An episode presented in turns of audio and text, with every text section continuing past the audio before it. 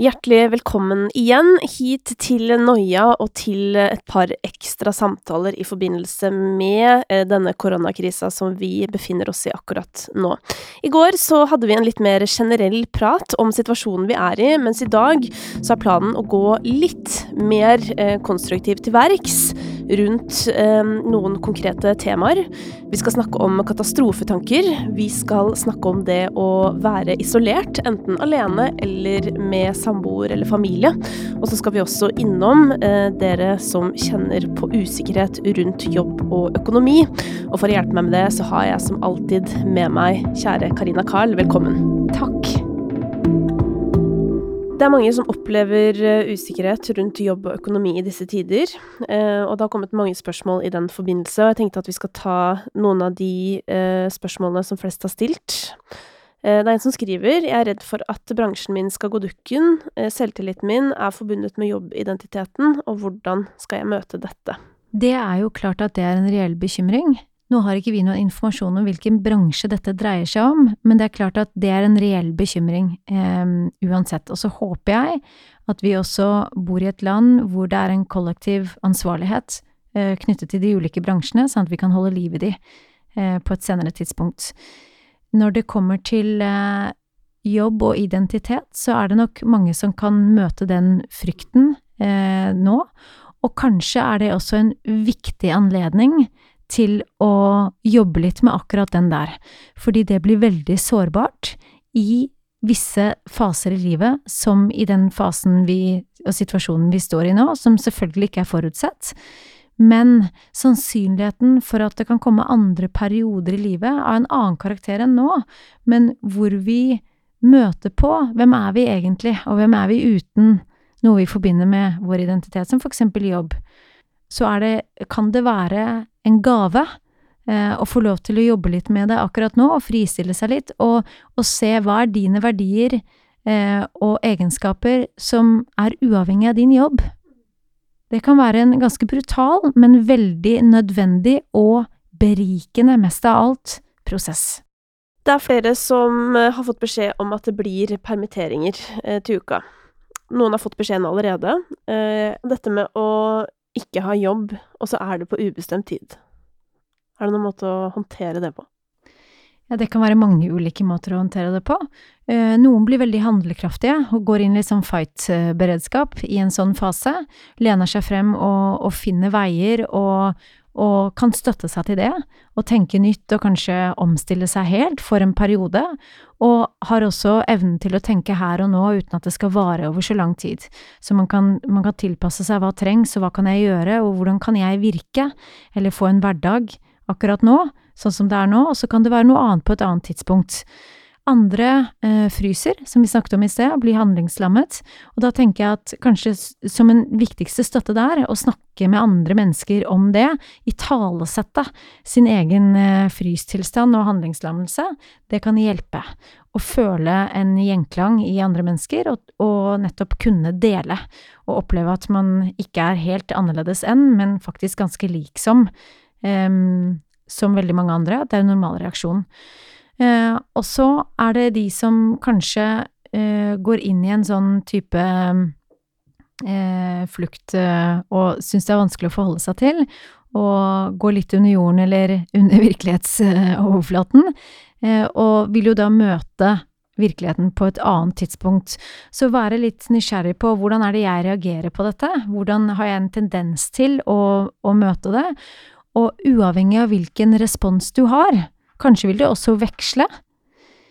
Så tenker jeg, bruk omgivelsene, snakk med omgivelsene om hva du erfarer, og det kan være god mental hygiene da å avtale at man har noe man snakker med daglig og deler og reflekterer.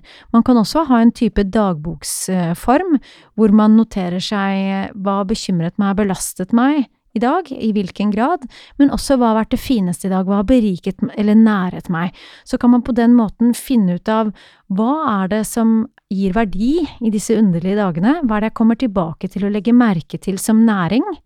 Eh, og det kan gi retning i forhold til faktisk videre planlegging og struktur, sørge for å få inn de elementene, og kanskje dyrke de enda mer, gjøre de enda mer synlige i hverdagen, eh, og det kan gi anledning da til å bli bevisst på de elementene og faktorene som belaster, og da sette seg ned og skille mellom hva er, hvis man da bekymrer seg eksempelvis, hva er hensiktsmessige bekymringer, og hva er uhensiktsmessige bekymringer, og da å skille mellom hva som er bekymringer og hva som er konkret problemløsning. Og hensiktsmessige bekymringer, det er de utfordringene som vi kan gå inn og problemløse på, og handle og faktisk gjøre en konkret handling for å løse. Og det føles bra, det føles bra å handle.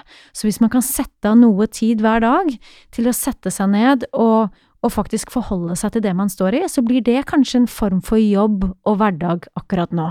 Å forsøke å skape en rutine eller struktur i det som er så ustrukturert og vanskelig, det kan være jobb nok i seg selv, i kombinasjon med da å eh, snakke med omgivelsene, og kanskje spørre om det er noe som trenger hjelp, så man faktisk får anledning til å bidra og hjelpe noen, og kjenner at man tar tak i egen situasjon, det føles alltid veldig bra. Så det kan være en fin støtte, og noen fine knagger i en sånn usikker situasjon. Mm, og det er det jo mange som trenger nå, altså disse knaggene. Det er jo flere som opplever nå eh, tanker de ikke har kjent på tidligere. Eh, og så er det jo folk som har utfordringer med sin mentale helse fra før, som nå blir ekstra belasta. I tillegg så er det flere som forteller om uh, timer hos psykolog, DPS eh, lignende, som nå blir utsatt. Hva, hva kan vi si da til de der ute nå, som sitter med sin behandling utsatt og føler på desperasjon? hvis man skal støtte hverandre, um, og man ikke er fagperson, ikke man skal ikke yte terapi eller Men det å validere, hvordan er dette for deg? Å bare si 'det forstår jeg'. Er det mer, ikke sant? Å bare egentlig lytte. Ofte så tror vi at eh, eh, når vi hører om en annen som har det vanskelig, at vi skal løse vedkommendes problem. Men det som ofte er aller mest hjelpsomt, det er faktisk å få lov til å fortelle, og faktisk å få lov til å bli lyttet til og tålt i det man står i, på tvers av følelsestilstander, med all verdens av tanker, mm. og bare få lov til å bli lyttet til. Så det å huske på det, og lytte, og tillate, det er kanskje den beste hjelpen man kan gjøre, og den beste støtten man kan gjøre nå. Men hvis du da er en lytter, og så ringer eh, en venn deg og sier eh, 'jeg blir så stressa av det her, hva skal jeg gjøre, liksom? Hva kan man svare på det? For det er jo en følelse veldig mange sitter med. Ja, og da kan man Det er mange, mange spørsmål man kan stille tilbake, for eksempel, eller Men, men eh, eh, man kan snakke om det og reflektere rundt det sammen. Møte vedkommende med at 'det forstår jeg'. Det er en vanskelig situasjon, men uten å skulle gå inn og løse vedkommendes problem, fordi vi vil, må jo på mange måter alle sammen løse oss selv, eh, men vi kan reflektere sammen, og sammen kanskje finne hva som kan støtte oss hver især i samspill med hverandre og gjennom dialog med hverandre.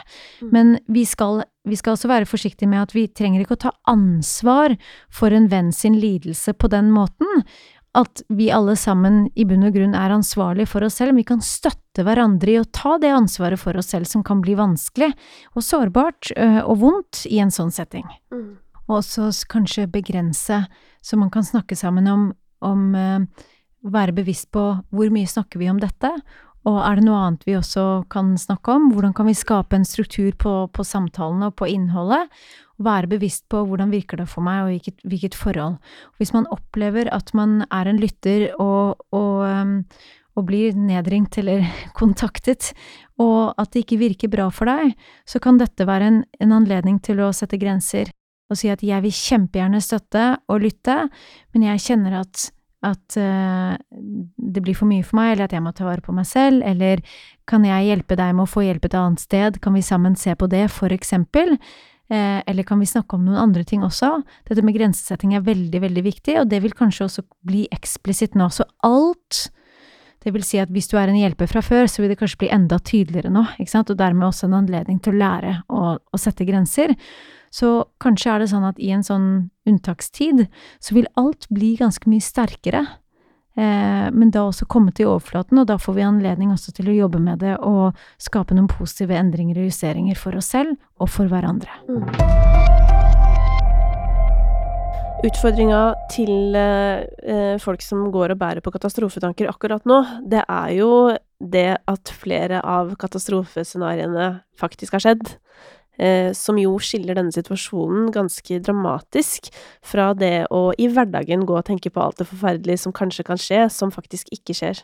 I dette tilfellet har det jo skjedd, um, og det er en som har spurt oss om nettopp det. Hvordan skal jeg roe ned katastrofetankene når de faktisk blir bekreftet?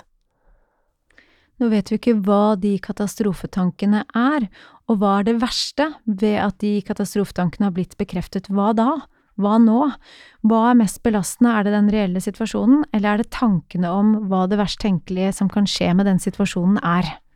Jeg blir litt sånn nysgjerrig på det, for jeg tenker at eh, det kan være nærliggende å tenke at det handler om om at man har mistet jobben, for eksempel, eller blitt permittert, og den usikkerheten som er forbundet med det, som selvfølgelig også er reell, men at det ikke betyr at dette er enden på visa, at det ikke kommer til å bli bedre, men det er vanskelig å se de utsiktene nå. Så det å tenke hvordan kan jeg her og nå forholde meg til det på en måte som er mest mulig hjelpsom for meg, er det noe jeg kan foreta meg som er en konstruktiv handling, hva ville jeg sagt til en annen person i samme situasjon, og når dette har ordnet seg, for det gjør det, og jeg ser tilbake, jeg har fått en jobb, jeg trives, dette gikk bra, det gikk bra til slutt. Um, hva ville jeg sagt til meg selv i den situasjonen jeg var i nå, da? Mm. Altså, dette med katastrofetanker, de peker jo selvfølgelig i mange retninger. Eh, I ytterste konsekvens eh, for mange så er det jo en frykt for å bli smittet og få en alvorlig variant og dø. Og det er det mange som går og frykter nå.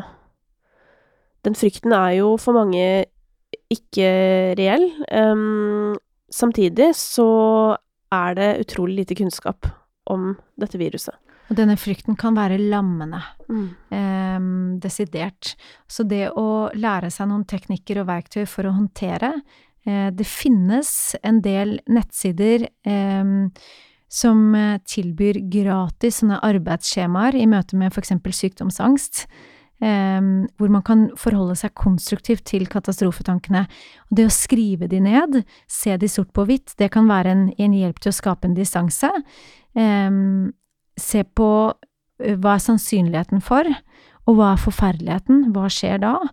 Um, og minne seg selv på at hvis jeg blir alvorlig syk, det er ikke så veldig lett å tenke på det når man er i en katastrofetilstand og følelsesskapet, men hvis jeg blir alvorlig syk, hva vil det hjelpe meg at jeg bekymret meg på forhånd? Um, så det er også godt man kan forholde seg bevisst til disse katastrofetankene. Hvor mye tillater jeg meg å hoppe på tanketoget i løpet av dagen? Eh, hvordan forholder jeg meg til de når de kommer? Og da sette av tid hver dag, hvis man bekymrer seg veldig mye over det. Sette av desidert en halvtime eller time, men ikke noe mer enn det. Hvor man kan bekymre seg så mye man vil. Si man setter av 30 minutter hver dag. Eh, hvor man kan bekymre seg så mye man vil. Skrive alle tankene ned, det tenker jeg er helt vesentlig. Forholde seg til tankene på skrift. Hvorfor det? Fordi når du skal skrive, så settes tempo ned fordi at du blir nødt til å konsentrere deg. Når du setter tempo ned, så stilner du og roer tankene ned, og noe av det som belaster aller mest i angst, er at tanketoget går veldig fort. Den ene tanken tar den andre, og så blir det en sånn snøballeffekt. Så det å skrive ned kan sette ned tempo, gjøre at du fokuserer og konsentrerer konsentrerer seg, det i seg selv gjør deg roligere. Så det kan være til hjelp. Og så vil du få en oversikt over hva er tilbakevendende tanker. Som oftest så er det noen få tilbakevendende katastrofetanker, og så kan du lære deg til å forholde deg til de. Så disse katastrofetankene kommer tilbake igjen og igjen. Hva er støttetanker? Når disse snubletankene, når jeg møter de, hva er støttetanker da? Hva kan gjøre meg en anelse roligere, eller gjøre at jeg lander en, en, en, liten smule. Da har jeg lyst til å gi deg et eksempel hvor du kanskje kan komme med en støttetanke til meg, Karina. Mm. Eh, fordi det jeg lurer på nå, er jo om jeg skal gå rundt og kjenne etter om jeg kanskje har litt koronasymptomer i nå et halvt år. Og hva er bekymringstanken? Nei, den er jo Herregud, tenk hvis jeg har korona og går rundt og smitter andre folk. Jøss, har jeg litt vondt i halsen, eller var det en liten host på lur der? Shit, har jeg kanskje feber? Føler meg litt varm nå. Pleier jeg kanskje ikke å være så varm, eller osv. Så, så da kan du sette av tid til å daglig til å forholde deg til de tankene, skrive de ned, forholde deg til de på skrift, og se på hvilken av de tankene er aller mest belastende for deg, hva bekymrer deg aller mest ved de, hva får de deg til å føle. Um, og hvordan påvirker de handlingene dine? For det du sier også i samme, uh, samme resonnement, det er at har jeg litt feber, jeg føler meg litt varm. Det som skjer, er at vi, vi uh, når vi blir engstelige for noe, så virker oppmerksomheten vår, den snevrer seg inn og blir veldig selektiv. Så vi blir gående og kjenne etter, og når vi kjenner etter da, så så, så, så, finner vi faktisk bevis for det vi tror. Uh, det kan omtrent skapes, og da kan vi reelt kjenne at vi er syke selv om vi ikke er det, for det kjennes sånn ut. Sånn at hjernen vår er biased, den finner det vi tror og det vi er overbevist om. Så når du er redd for å være syk og kjenner etter, så vil du sannsynligvis kjenne de symptomene du er redd for å kjenne, og så blir det en, en selvoppfyllende profeti, og så går du i ring. Så det å, å avgrense den tiden du er til stede i de katastrofetankene, forholde deg til de på skrift, og finne noen støttetanker. Hva hadde du for eksempel sagt til en god venn? Hva vet du allerede om dette koronaviruset? Og da kan du bruke all den faktakunnskapen du har, Kristine, som du forteller at du har, og kanskje realitetsorientere deg selv en anelse. Og så kan du gjennom dagen, når disse tankene kommer og oppleves nok ganske, eh, ganske ukontrollerbart? At du plutselig blir bekymret eh, på et tidspunkt i løpet av dagen, men så vet du at klokken syv så skal du sette deg ned og ta deg av disse bekymringene, og da kan du, eh, da kan du si til den eh, masete telefonselgeren, altså det vil si katastrofetanken, at vi har ikke møte akkurat nå, vi skal snakkes klokken syv. Um, så jeg kommer tilbake til deg. Og øve deg på å si det igjen og igjen, og da lærer du på mange måter å ta kontroll over bekymringene og katastrofetankene, og kan forholde deg til dem på en effektiv måte. Og så er det sånn at tiden jobber med deg, så over tid så vil du se at selv om du er redd for, og nærmest overbevist engstelig for at du er syk, så vil ikke si at du er det. Og så er det spesielle at hvis du plutselig hadde blitt syk, så er det ikke sikkert at du hadde vært så redd, kanskje ikke redd i det hele tatt. Så det er frykten for, og scenarioet på forhånd, og tankene, bekymringene, som er aller mest belastende, og ikke det virkelige scenarioet, som oftest. Og her er jo utfordringen at folk blir jo ikke testa, ikke sant, så det er jo mange som sitter hjemme og, og ikke aner om de har hatt det eller ei. Jeg tenker at dette er en anledning, og det jeg sier nå kan være ganske provoserende, mm. Eh, men er en realitet, til å forholde oss til at livet er et usikkert prosjekt. Nå settes usikkerheten så desidert eh, altså den settes så, eh, så eksplisitt opp foran oss. Det er en usikkerhet som vi reelt står overfor egentlig til enhver tid, hver dag, men som vi ikke er bevisste om eh, på den måten, fordi at vi, vi er så trygge, vi er så sikret på så veldig mange måter. Nå møter vi noe helt annet. Så på mange måter så gir dette oss en anledning til å bli trent i å stå i det usikre landskapet på en helt annen måte, og det paradoksale i det er at over tid så vil vi faktisk kunne finne en trygghet, og en ganske annen trygghet, for i etterkant av dette, når dette er over, så har vi erfart en usikkerhet, en uforutsigbarhet, som har rystet oss, men som har gjort oss grunnleggende ganske mye tryggere på mange måter, alt i alt. Det sitter eh, mange eh, alene, familier, eh, samboere i hus og leiligheter rundt omkring, og flere av de har sendt spørsmål til oss i Noia. Hvordan skal jeg unngå å ta livet av partneren min de neste ukene? Eh, og dette er jo selvfølgelig da i overført betydning, men med bakgrunn i at eh, man plutselig er mer eller mindre innestengt sammen innafor husets fire vegger. Dette kan potensielt være en ganske belastende situasjon for mange familier og, og par, og det blir litt sånn eh, utvikle eller avvikle situasjon på mange måter. At, eh, at eh, der hvor det allerede er konflikt, men hvor hverdagen er en, er en, en reddende engel, eh, så, så, kan eh, så kan realiteten eksponere seg ganske raskt. Og for andre så er det omvendt, at man faktisk virkelig dyrker og finner sammen og verdsetter hverandre. Um, og jeg tenker at det er ingen enkel oppskrift der, men å, å forsøke å finne en struktur sammen bli enige om hvordan kan vi sammen stå i dette på best mulig måte, hvordan kan jeg støtte deg, hva trenger du fra meg, um, og det er nettopp en fin setning, hva trenger du fra meg nå? Å stille hverandre og møte hverandre med en raushet, da er det også større sannsynlighet for at man får det samme tilbake igjen.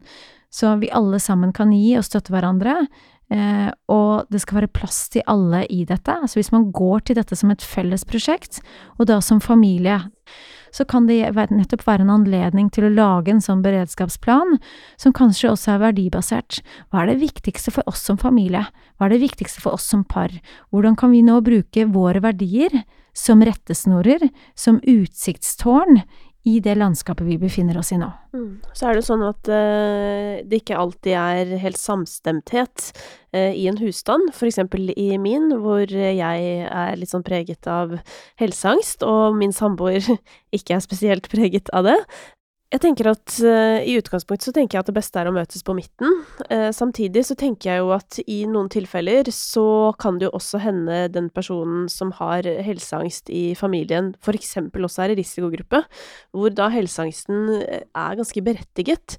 Uh, samtidig så skjønner jeg at det er en påkjenning for de rundt å skulle forholde seg til en sånn ekstrem bakterieangst med desinfisering av alt hele tiden, folk vasker seg på hendene til den blør, altså jeg, jeg syns det er vanskelig, for jeg forstår uh, I akkurat denne situasjonen så forstår jeg på en måte at noen har den bakterieangsten. Rett og slett. Det er kanskje Det er kanskje denne ene gangen det er lov å ha litt forståelse for det. Jeg vet ikke. Ja, eh, absolutt. Det kan være en naturlig reaksjon, men det kan også bli eh, overdrevet og ta overhånd. Og det tenker jeg man kan være oppmerksom på, så man fortsatt tillater seg på en eller annen måte eh, å leve, uh, uten at det tar fullstendig overhånd alt det som kan handle om risikosykdom og bakterier. Mm. Det er flere som har tatt kontakt, eh, og skriver at i forbindelse med at det blir mye alenetid fremover, så kommer frykten for å bli deprimert igjen, eller få en økning i eh, panikkanfall, eksempel. Ja, det kan skje, og det kan hende at det ikke skjer. Mm. Eh, så sånn er det med bekymringer, at det som belaster aller mest, det er kanskje heller hva hvis det skjer. Da kan man kanskje lage en liten beredskapsplan for seg selv og hente tilbake verktøy man har brukt før, hvis man tidligere har jobbet med panikkangst. Eh, hva har hjulpet meg før, hva kan jeg bruke nå, hva støtter meg i denne situasjonen nå, hvordan kan jeg bruke det aktivt i hverdagen? Og det eneste vi kan forholde oss til, det er her og nå, alltid. Mm. Det er uh, mange som bor alene også. Det er en som skriver til meg, jeg bor alene, og dette gjør meg veldig urolig. Så er spørsmålet hva det er ved det som gjør vedkommende urolig. Det har vi jo ikke så mye informasjon om. Om det er hvis vedkommende blir syk og er alene i den forbindelse, eller om det er en ensomhet eh, knyttet til hverdagen. Eh, så det avhenger litt av det. Så å forholde seg til det på en konstruktiv måte, er det noe handlingsrom eller mulighetsrom i det? Hva vil hjelpe og støtte vedkommende? Hva ville vedkommende sagt til en annen person i samme situasjon? For det er klart at det er mange nå som, som er alene, og det kan føles ekstra sårbart og vanskelig. eh, også fordi at man har ikke den, uh, den ene som vi alle trenger uh, i en hverdag å dele med. også selv om man ikke nødvendigvis snakker så mye sammen, men en som bare er der. så det er klart at det kan være ekstra belastende i denne fasen å bo alene. Og da igjen å, å, fokusere på hva som er tilgjengelig, hva man kan. Kan man avtale um, noen telefonmøter? Um, kan man uh, finne andre former for sosial kontakt og tilhørighet og fellesskap på en eller annen måte? Fordi det kommer til å bli mer fokus på nå, med tanke på alle de som faktisk er alene. Mm. Og når du selv sitter alene, så kan du tenke at det jeg opplever, det er ikke helt unormalt i forhold til andre, kanskje jeg kan bidra. Kanskje du som sitter der hjemme alene, sitter på noe som kan hjelpe og støtte andre, opprette en gruppe, eller spørre om er det andre som føler seg alene hvis man har en, en gruppe i borettslaget, for eksempel, eller så kan man sammen møtes der og snakke om eller støtte hverandre, og ha mm. kontakt, og dermed føle seg litt mindre alene. Mm. Og så har vi jo det nydelige helsevesenet vårt, som eh, virkelig jobber på nå. Og det er også flere av de som har tatt kontakt med oss. Eh, fordi eh, det er flere som opplever å sitte med et stort ansvar om å holde seg frisk. Eh, både fysisk og psykisk i disse tider. Hvordan eh, kan Altså, spørsmålet her er jo egentlig har dere noen gode råd for å holde meg både frisk og i arbeid? Um, men jeg oppfatter jo at spørsmålet på en måte handler litt om uh, Går det an å finne noen balanse her i dette veldig sterke presset som jo disse menneskene er under nå? Minne seg selv om at uh, det man gjør, uh, de konkrete tiltakene man gjør i det hverdagslige med å være nøye med håndhygiene og forholde seg konstruktivt Eh, sånn at det ikke tar overhånd. Og minne seg selv om den viktige jobben man gjør, at man faktisk bidrar og yter og forholder seg til det på en konstruktiv måte, eh, igjen og igjen, tenker jeg. Tusen takk for at du hørte på Noia. Karina og jeg vi er tilgjengelige ved behov, så hvis du har spørsmål eller temaer du ønsker deg at vi tar opp i denne tida, så ta bare kontakt med oss, enten via Noia Podkast på Facebook og Instagram, eller ved å sende en e-post til noiapodkast at gmail.com. Tusen takk til Stiftelsen DAM og Rådet for psykisk helse for støtte til å lage podkasten, og husk at vi er sammen i dette.